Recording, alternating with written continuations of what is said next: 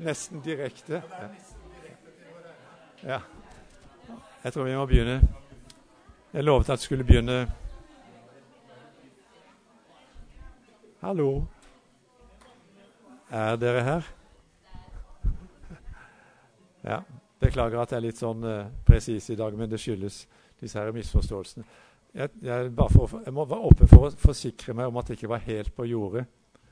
Og gikk inn på Fronter og fant en annen liste som er på fronten, hvor det står at det er fra 12.15 til 14. Så det er dobbeltkommunikasjon faktisk på, på nettet. Det, det, er jo ikke bra. Men, men. Sånn er det. Jeg skal gi beskjed til, eh, til de som sitter med dette, her, at, at det ikke blir flere misforståelser. Men er jo, dere er jo tydeligvis godt informert. Ok, Det var disse stikkordene. Hva er nyreligiøsitet eller nyåndelighet? Det er bevegelser og strømninger, har jeg sagt. For, for meg er det faktisk ganske viktig, fordi lenge før dere, mange av dere, de fleste av dere ble født, så, så, kom det jo en rekke nyreligiøse bevegelser. Jeg husker selv i urtiden på 60-tallet, da jeg var student. og Da kom altså den første liksom, store guruen. Han var en liten, riktignok, fysisk guru fra India, Maharishi Mahesh Yogi. Hvis noen forbinder han med Beatles, så stemmer det. Beatles besøkte han i hans ashram i eh, Rishikesh i Nord-India. Eh, han kom og talte om meditasjon og verdensfred. De fleste av oss trakk på skuldrene og syntes det var ufattelig naivt. Denne, denne lille guruen da, som, med det lange, svarte håret. Og det var jo på mange måter naivt. Folk trakk på skuldrene, men han satte faktisk i gang den største meditasjonsbevegelsen som har vært i Norge, tror jeg. Det er flere titusener som har meditert, vært innom hans dyp meditasjon eller transcendental meditasjon, og senere da i andre former, hvor han skrelte vekk det veldig hinduistiske. I Akem f.eks. Kanskje noen som har meditert i Akem, eh, som har skrelt bort alt det indiske, hinduistiske, og bruker det bare som en teknikk for indre fordypning og stillhet. Bevegelser.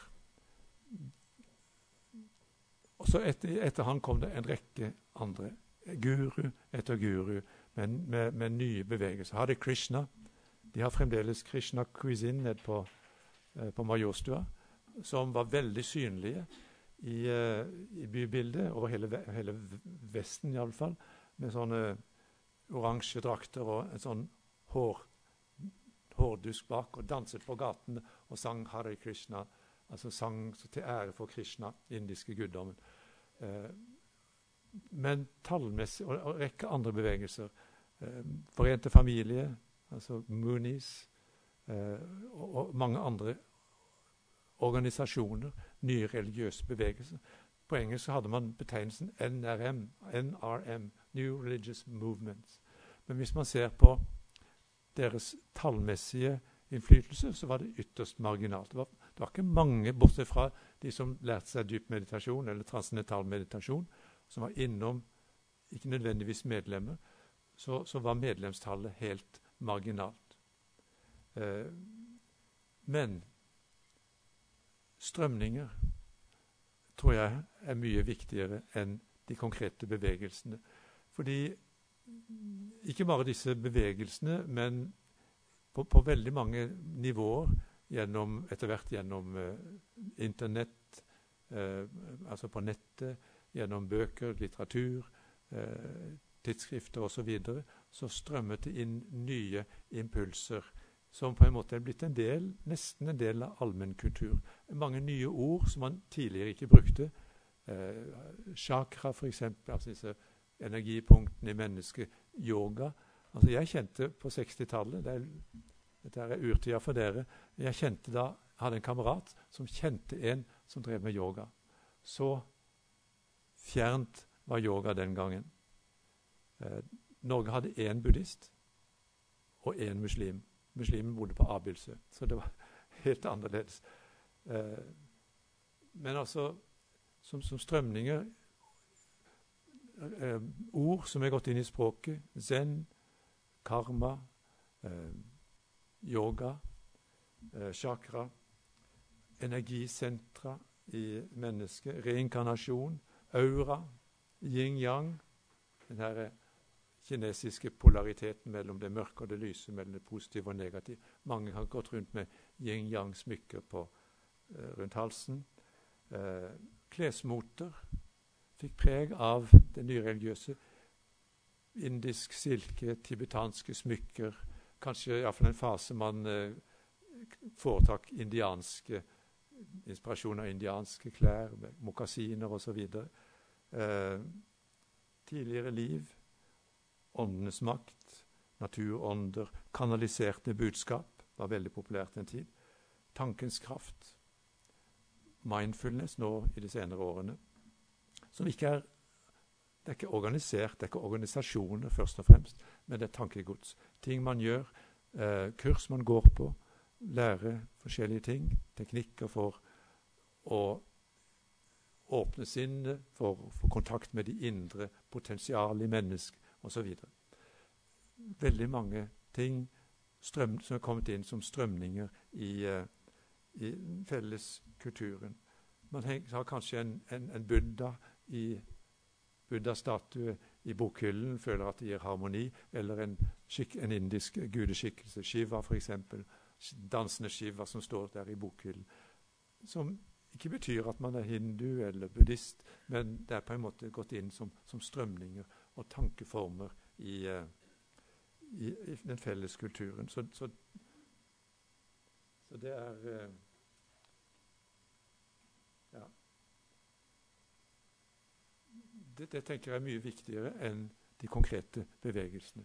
Bevegelsene er marginale, små, men som tankegods, som strømninger, så, så, er det en del av den kulturen som vi er.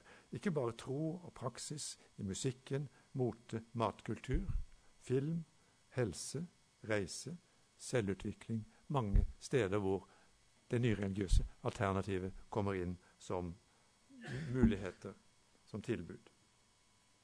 Kunne si mye mer om dette. Noe kommer vi tilbake til, men eh, vi går litt videre. Som i vår åndelige oppbruddstid, og der kan du stille mange spørsmål Er vår tid egentlig en åndelig oppbruddstid? Er det ikke tvert imot blitt en ekstrem materialisme, en ekstrem selvopptatthet eh, osv. Eh, jeg bruker likevel uttrykket fordi eh, det på en måte har ligget i eh, Iallfall i, norsk tradisjon og vestlig tradisjon en sånn oppbruddsmentalitet helt fra 50-tallet og 60-tallet og utover. Forandrer seg underveis, men det har vært Jeg tror det er riktig å si at ved siden av sterke tendenser i retning av sekularisering og materialisme, så har det også vært en, en oppbruddstradisjon. Eh, um,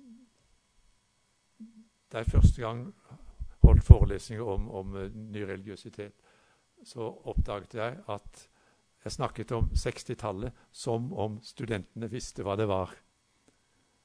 Akkurat som mine professorer på 60-tallet snakket om de harde 30-åra, som om vi som var født på 40-tallet, visste hva det var. Og når jeg nevner disse tingene, så er det ikke bare fordi det er historisk interessant, men fordi det faktisk har satt veldig dype spor, og fremdeles er en del av den, de trendene og bevegelsene og strømningene som vi kaller for alternativt. Eh, motkulturen, the counterculture. Jeg har i eh, boken eh, i et av de første kapitlene skrevet om, om, forfattere som på en måte har signalisert viktige ting til meg, som har vært for meg nøkler til å forstå det som skjedde på ikke minst 50- og 60-tallet. Og en av dem er da Aksel Jensen. som er en, Jeg syns han er utrolig, iallfall en del av hans bøker. Noen av dem er ganske uforståelige. Men Ikaros, han skrev en bok som heter 'Ikaros', i 1957 eller 58, tror jeg den kom ut, som jeg tenker Den boken, der burde lese den, foregrep det som skjedde i de følgende tiårene. Ikaros er jo da en, en, en skikkelse fra gresk mytologi som er fanget i labyrinten og ikke kommer ut. døves av, av labyrintens uh, dufter osv. Desperat for å komme ut. Og så får han altså vinger av sin far Daidalos. Som han fester på ryggen med voks, så han kan fly ut av labyrinten, ut mot lyset og mot solen. Men når han nærmer seg solen, så smelter vingene, voksen som han fester med vingene, og så styrter han i havet. Det er på en måte metaforen som ligger bak Aksel Jensens hovedperson, som er en moderne Ikaros. Som um, Som um, er et oppbruddmenneske. Han, han må ut, tror jeg jeg skrev det her. Han måtte ut, han, Det var et intervju på hans senere år. Han døde for noen år siden. Jeg måtte ut, sier han, for å definere virkeligheten på ny. Han er vokst opp i en borgerlig virkelighet. Han orker ikke tanken på å skulle gå inn i farens firma. Han skrev bok om senior og junior. Faren, pølsemaker, kjent pølsemaker i Oscar. Desperat måtte bare komme seg vekk fra, fra denne, dette fangenskapet i hans labyrinter. Han måtte ut. Hans beskrivelse av dette opp Var det? Å ja, nå trykket jeg. En, to Kommer bort til knappen her. Veldig fascinerende. Han beskriver sin generasjon. Han tilhører en forvirret og lyssky generasjon som ikke kan si ordet Gud uten å smile forlegent og si faen like etterpå. Selv blasfemien har mistet sin mening, for det er ingen helligdom å spytte på og ingen Gud å fornekte. Han gjør oppbrudd mot alt. Mot familien, mot, ikke minst mot den borgerlige kulturen, som han er en del av. Han har ikke så mye religiøsitet i bakgrunnen, men også det etablerte religiøse. Eh, religion er bare billig putting med Gud, sier han. Veldig skeptisk. Samtidig så sier han vi er alle pilegrimer. Vi lengter alle etter det vidunderlige. Vi vil alle se lenger enn solnedgangen. Det er en ganske vakker beskrivelse av selv, indre selvmotsigelsen i et moderne oppbruddsmenneske. Og han er egentlig han er et menneske som reiser i mange retninger samtidig. Og det er på en måte kanskje en, en god beskrivelse av mye av det som skjedde, har skjedd med post, det postmoderne. Det, det er flimrende. Man tester ut alle mulige ting, reiser i mange retninger samtidig. Han er egentlig på vei til Tibet, for der har han hørt at i Østen der er det skjulte mysterier, der er det skjulte innsikter å finne. Han ender opp på veien i havnebyen i Nord-Afrika, hvor alt blandes sammen. Katedralen og horehuset. Lengselen etter Gud og driften tilbake til dyret, som han beskriver. Seksualitet og religiøsitet blandes sammen. Han søker, setter på spissen, han søker sannheten. Han søker Gud med testiklene som kompass. Kjønnsdriften og religionen blandes sammen. Så Underveis så har han hørt at inne i ørkenen skal det finnes en kristen asket som har sett lyset. Han vil han oppsøke. Så reiser han inn der, finner denne asketen, blir veldig fascinert. Men et eller annet skjer. Indre selvmotsigelser i hans lengsel sier, så, står det et eller annet sted i boken 'Faren', sier han. 'Faren, faren'. Jeg ville jo bare komme til ham slik den fortapte sønn vender hjem til sin far. Jeg har alltid lengtet etter å tilbe og knele og glemme. Veldig fascinerende beskrivelse av dette forvirrede, selvmotsigende oppbruddsmennesket som forakter religion og samtidig søker religiøsiteten, innsikten, Gud. Eh, og så ender det opp med at han jo blir, akkurat som mytenes Ikaros Nærmer seg solen og lyset, så smelter vingene og styrter i havet. Og hele hans reise, hans reiser ender faktisk i at han oppdager at sannheten er jo ikke å finne der ute. Ikke i en fjern ørken i Nord-Afrika, ikke i et fjernt sted et eller annet sted i Tibet, men her Man kaller det i bevissthetens blå blomst. Han må finne det i seg selv. Og Det sier veldig mye om dette nye religiøse alternative oppbruddet, som jo ender med alt det litt kaotiske eksperimenteringen ender med at man på en måte må søke tilbake til mennesket selv. Og mye av det alternative, mye av det religiøse, nyreligiøse, har jo vært en måte en søken etter selvet. Noen kaller det veldig kritisk en selvreligiøsitet, for det kan bli selvopptatt. Men bak alt dette overfladiske, bak eh, kanskje den litt egoistiske søken etter selvet, ligger det også en dyp, dype jeg vil si, religiøse elementer. Og det er en observatør som heter Rossak Ikke Rorschach, men Rossak. Eh, som har skrevet mye av dette oppbruddet på 80-tallet. Som sier at i Guds solformørkelse ikke sant? Gud er borte, Gud er overskygget. I Guds solformørkelse hadde vi ikke noe annet sted enn å søke i oss selv. Hos oss selv, i oss selv. Og det sier mye, tror jeg nok, om dette oppbruddet. Aksel Jensen var bare én av veldig mange. Typisk norsk, ganske fascinerende norsk representant eh, for dette kaotiske, utallige former for oppbrudd eh, som, som, gikk utover motkulturen i USA, beat-kulturen Jeg husker ikke om jeg har nevnt det her. Ja, jeg, jeg har ikke nevnt det. Jeg, jeg satt og bearbeidet oppe og, og hadde antagelig på, på stikken. Eh, men eh, beat-kulturen i USA Også dette sinte oppbruddet, rasende oppbruddet. Rasende for kulturen, for opp, opprustningen, oppskaleringen. Altså Vietnam, bomben og alt som foreldregenerasjonen sto for. For rekkehuset, for uh, vaskemaskinen, for uh, far mot far og mor og moderne teknologi. Som litt sånn kaotisk oppbrudd.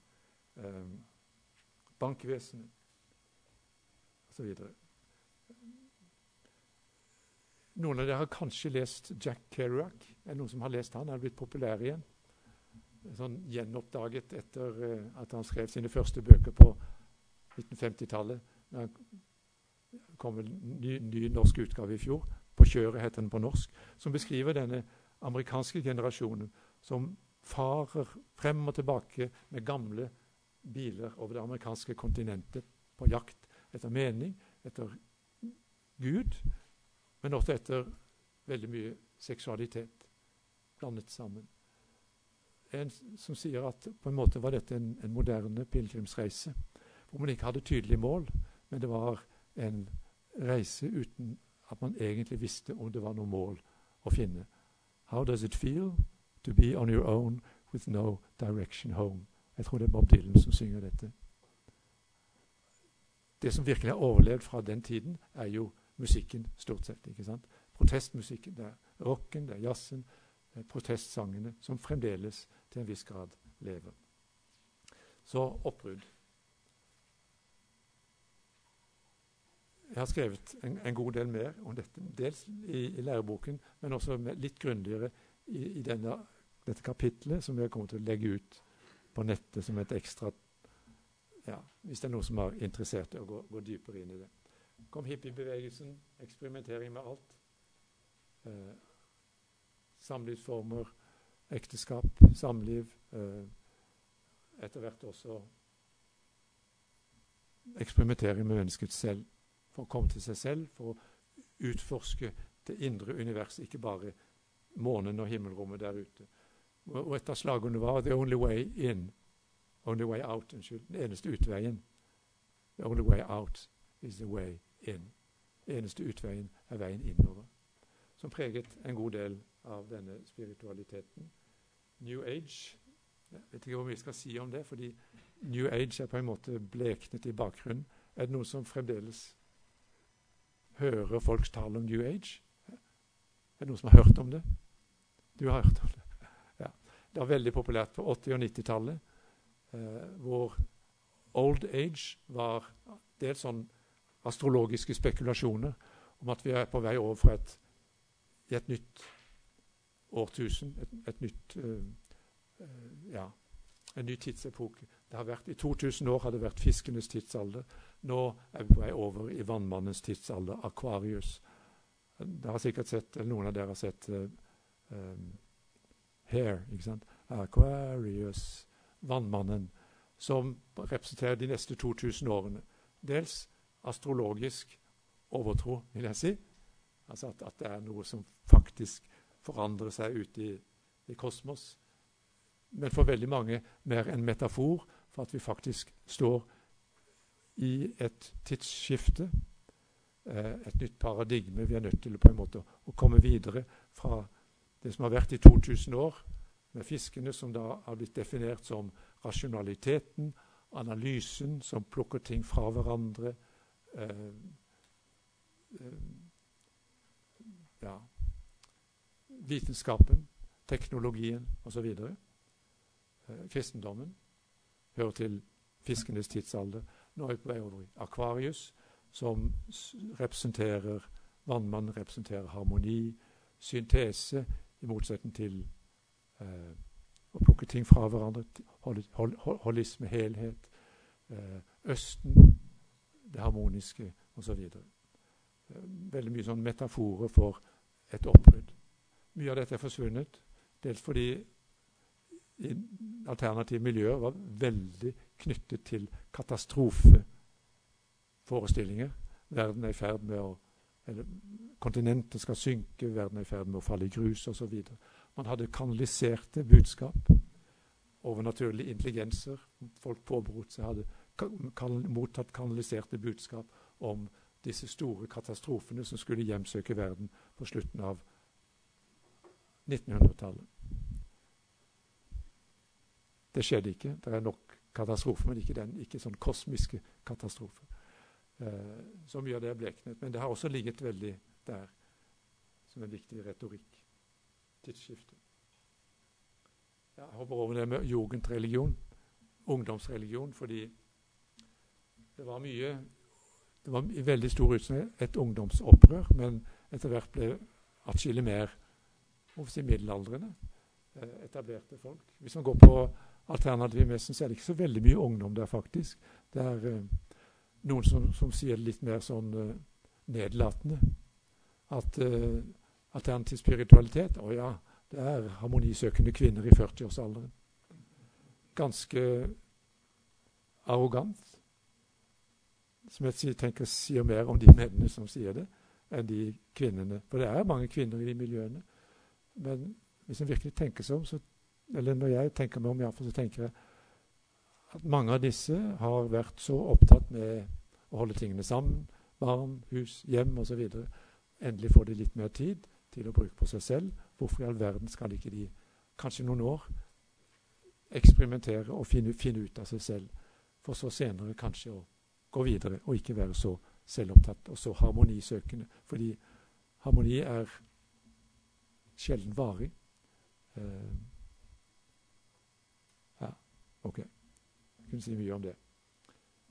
Bevissthetsforandring. Alt dette her ligger i, eh, i eh, Som allerede Aksel Jensen formulerte. Sannheten, løsningen, lå ikke der ute i det fjerne, men vi måtte søke det i bevissthetens blå blomst. Oppbrudd.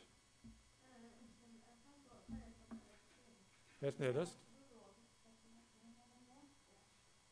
Skygger denne her for deg? Kan du kle? Se den nå? Ja, men det, det, kommer også Jeg legger det ut på nett, så det kan Ja, du skal få det. Ja, ok. Ja, du vet det. Man får det gjennom pennen, så, så husker man også bedre. Eh, vi går litt videre. Nå søker helhet og mening i tilværelsen. Jeg behøver ikke si så mye om det, men det er et av de honnørordene som brukes mye i disse bevegelsene. Eh, at man, man, søker å ikke, ikke motsetning, man søker harmonien, man søker en helhet hvor tingene holdes sammen. I motsetning til analysen som plukker ting fra hverandre, så søker man syntesen.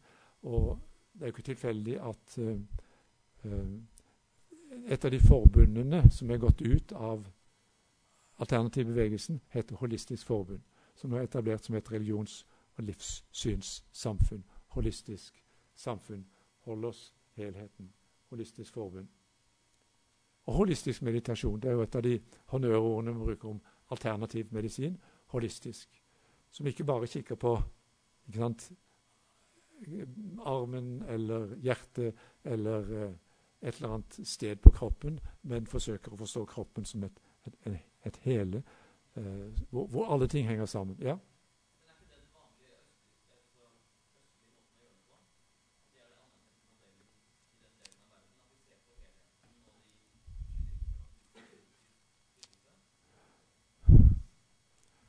Ja og nei. Jeg, altså, jeg tror nok i um, jeg, ikke, jeg tror jeg har litt om, om refleksjoner omkring Østen, fordi um, vårt, vårt, image av Østen er jo faktisk uh, på en måte skapt av våre egne behov. Uh, jeg ønsker ikke å være negativ. Det er mye flott og holistisk i Østen. Uh, men det er også faktisk utrolig mye sånn dualistisk spiritualitet selv i buddhisme, som egentlig er ganske holistisk, så, så kan det jo være veldig negative holdninger til f.eks. det fysiske og seksualiteten som et kjempeproblem. Så eh, ja, men også problematisere det. Samtidig som det er mye holistisk i vår egen grunnleggende kultur. Eh, men, men, en god del la meg bare nevne det da, en god del av dette drømmen om det alternative. Det ligger faktisk en slags um, um, sant, Fordi man bryter opp fra en kultur. Man, man, man, vil Man tror kanskje foreldrene har det bedre, men man vil for all del ikke bli som dem. Altså, Man får, forkaste på en måte mye av det vestlige. Teknologien og vitenskapen som, som har ødelagt oss. Samtidig som vi selvfølgelig nyter godt av det. Uh, og kan, kan, på en måte bli litt sånn selvforaktende i forhold til vår egen kultur. Og da finner man det man lengter etter andre steder. Og eh, jeg, har, jeg tror kanskje jeg skriver om det i den boka også. Østen fins ikke. Den fins ikke. Den fins, men først og fremst som våre egne projeksjoner av våre egne ting. Og man finner alltid det man lengter etter, men det er så veldig mye annet. Så det, det tenker jeg er en viktig ettertanke når vi på en måte ja, Mye av øst-vest-litteraturen er jo ekstremt på, på, en måte kulturpessimistisk med Vesten og, og veldig eh, harmonisk og optimistisk i forhold til, til Østen. Um, hva sa du? Ja. Orientalismen. Riktig. Hvor, eh, hvor, vi finner det vi har behov for. Vi projiserer våre egne fra andre kilder. Mye, mye, av dette er hentet fra andre kilder enn etablerte religiøse tradisjoner. Så noen sier at dette er jo ikke ny religiøsitet. Det er bare at man henter inn fra andre tradisjoner gamle ting som man fornyer og tolker inn i en ny sammenheng.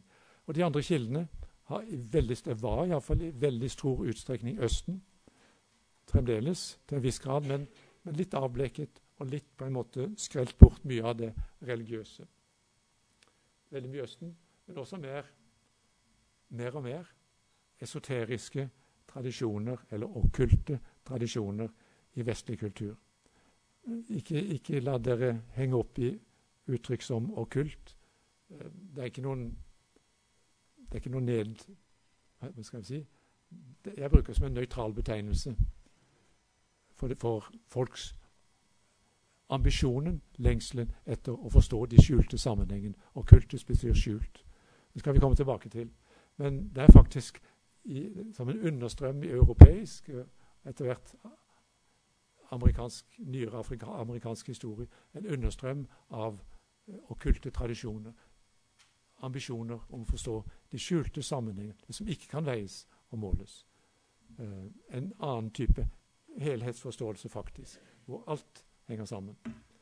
Uh, I tillegg impulser i nyreligiøsiteten fra primalkulturer, indiansk, samisk, urfolk med sjamanisme f.eks. Det er en del norske sjamaner som har gjenopplivet samiske tradisjoner.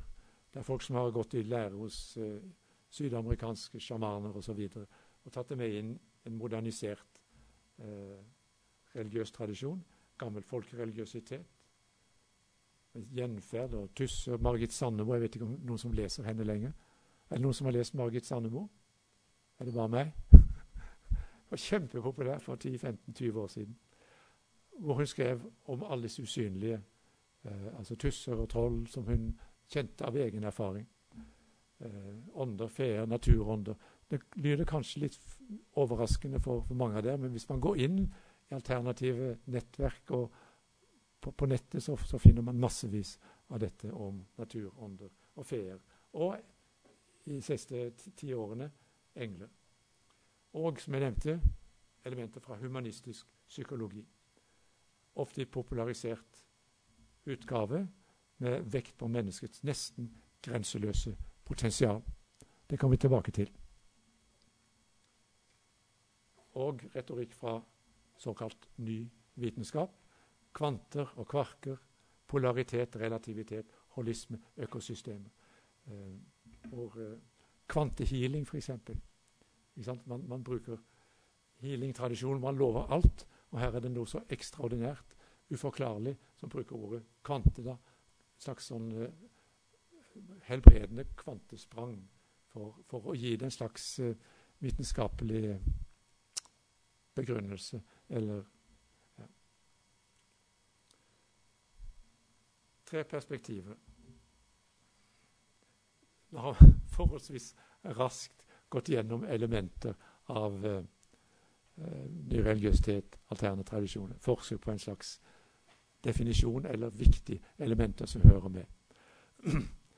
um, det kan beskrives på, på forskjellige måter. Jeg har nevnt, nevner her tre aspekter, eller tre synsvinkler på det alternativet. Mange som sier det er kaleidoskopisk. Jeg kommer tilbake til det. Eh, eller et, et, nytt tydningsmønster. Eller man kan se det som religionshistoriske prosesser hvor ting flyter sammen. Jeg bruker litt tid på det første. Eh, dere vet hva et kaleidoskop er? Er det noen som har lekt med kaleidoskop? Vi gjorde det ofte som barn. En sånn en uh, kikkert eller en sånn uh, ja, Et rør med glass på begge sider, og det ene endet ligger der masse uh, Unnskyld, et sånn trekantspeil som er inni der, uh, i en trekant, og så har man glassbiter, fargede glassbiter eller um, plastikkbiter oppi der. Og så rister man det sammen, så kikker man ned, og så danner glassbitene Kanskje jeg har laget en veldig sånn, dårlig eh, beskrivelse av et kaleidoskop. Man ryster disse forskjellige glassbitene sammen, og så danner det et utrolig vakkert, harmonisk mønster. Og så ryster man det en gang til, og så danner de samme glassbitene seg et nytt mønster, også veldig harmonisk. Eh, det er kaleidoskop. Og Når jeg bruker dette, er det fordi det kan virke og her har, altså Det forrige bildet det, det er ikke et kaleidoskop. Absolutt ikke et kaleidoskop. Men det er bare en, en veldig skjematisk eh, vi si, oversikt over en del av hovedelementene som de ressursene som man på en måte henter stoff fra, eller ord, forestillinger, eh, ting man gjør fra ulike sammenhenger.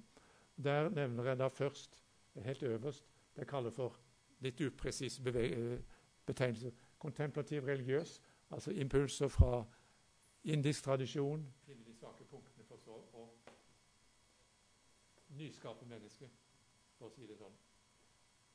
Eh, det som skjer Dette perspektivet er da det, det, det, det kaleidoskopiske, hvor det ser ut som folk på en måte plukker litt her og litt der. Man tar med seg litt, kanskje litt yoga, kanskje litt uh, reinkarnasjon, kanskje litt fra kristen tradisjon. Noen kanskje opptatt av uh, Kristus energi, eller, eller man knytter det til sammen med alternativ medisin osv. Plukker litt. Det kan se veldig, veldig uh, sånn par, heter det, kaleidoskopisk ut. fordi det henger ikke nødvendigvis sammen. Det er ikke nødvendigvis eh, holistisk, men man, man ryster det sammen. Og så I kaleidoskopet så danner det faktisk et flott mønster. Um, Min kommentar til dette ok, det sier noe. Det er shopping mentalitet, shopping religiøsitet. Det er et annet uttrykk.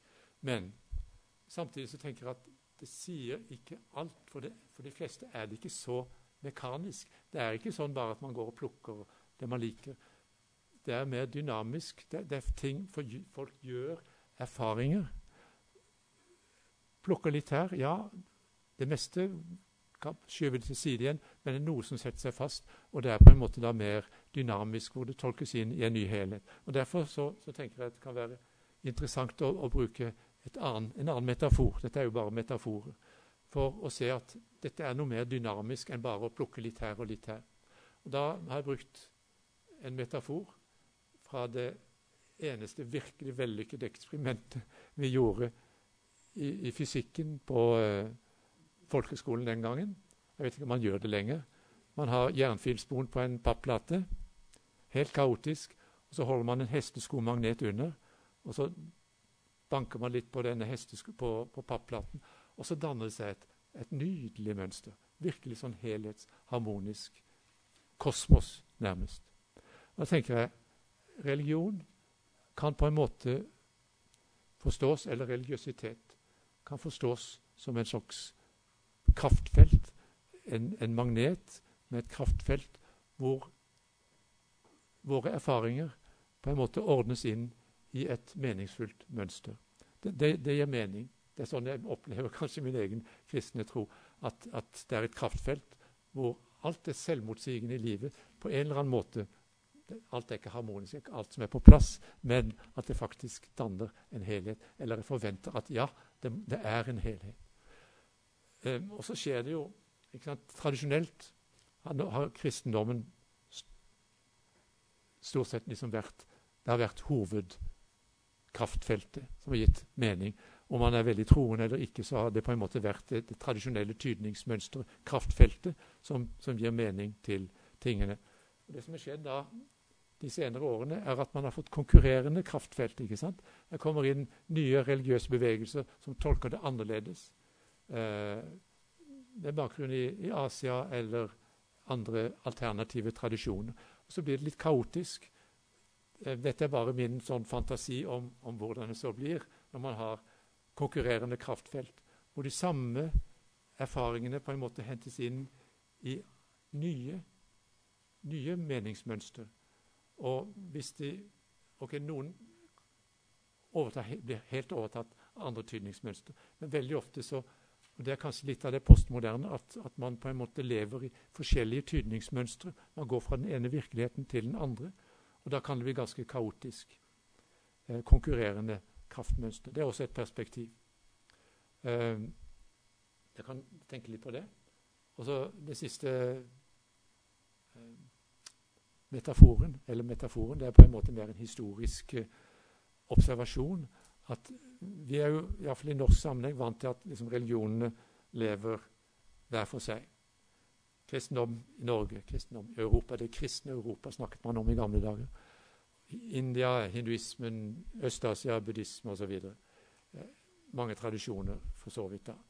Men det historiske faktum er jo at religioner, religiøse tradisjoner, også ikke bare flyter ved siden av hverandre, men de flyter inn i hverandre. Slik at buddhismen har jo fått For det første så springer den ut. ikke sant? Buddha begynte som yogi. Eh, hinduismen, og hinduer betrakter buddhismen som en slags avart av, av hinduismen. Eh, buddhismen kommer til Kina, altså, impulser fra, fra davistisk tradisjon osv.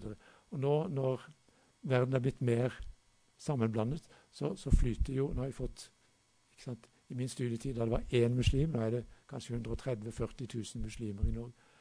Ikke bare der ute, men i familier osv. Så, videre. så det er klart at ting flyter mer over i hverandre. Kan tenke litt på det også. Nå ser jeg tiden er ute. Men du har et spørsmål? Kommentar?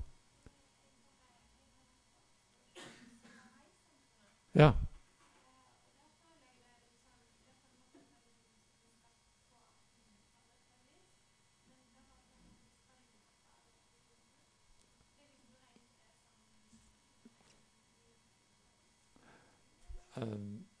Kanskje, jo, altså det på en måte var jo ny religion. Um, jeg tror ikke de vil se seg som en De vil ikke se seg som en bevegelse hvor man på en måte henter litt fra kristendom og litt fra buddhisme og, og, og, og lager en syntese av det. Det springer ut av en profet, Ba'ullah, som taler om en åpenbaring. Men hvor visjonen er jo at hvis man søker selve kilden, så, så møtes de forskjellige religionene.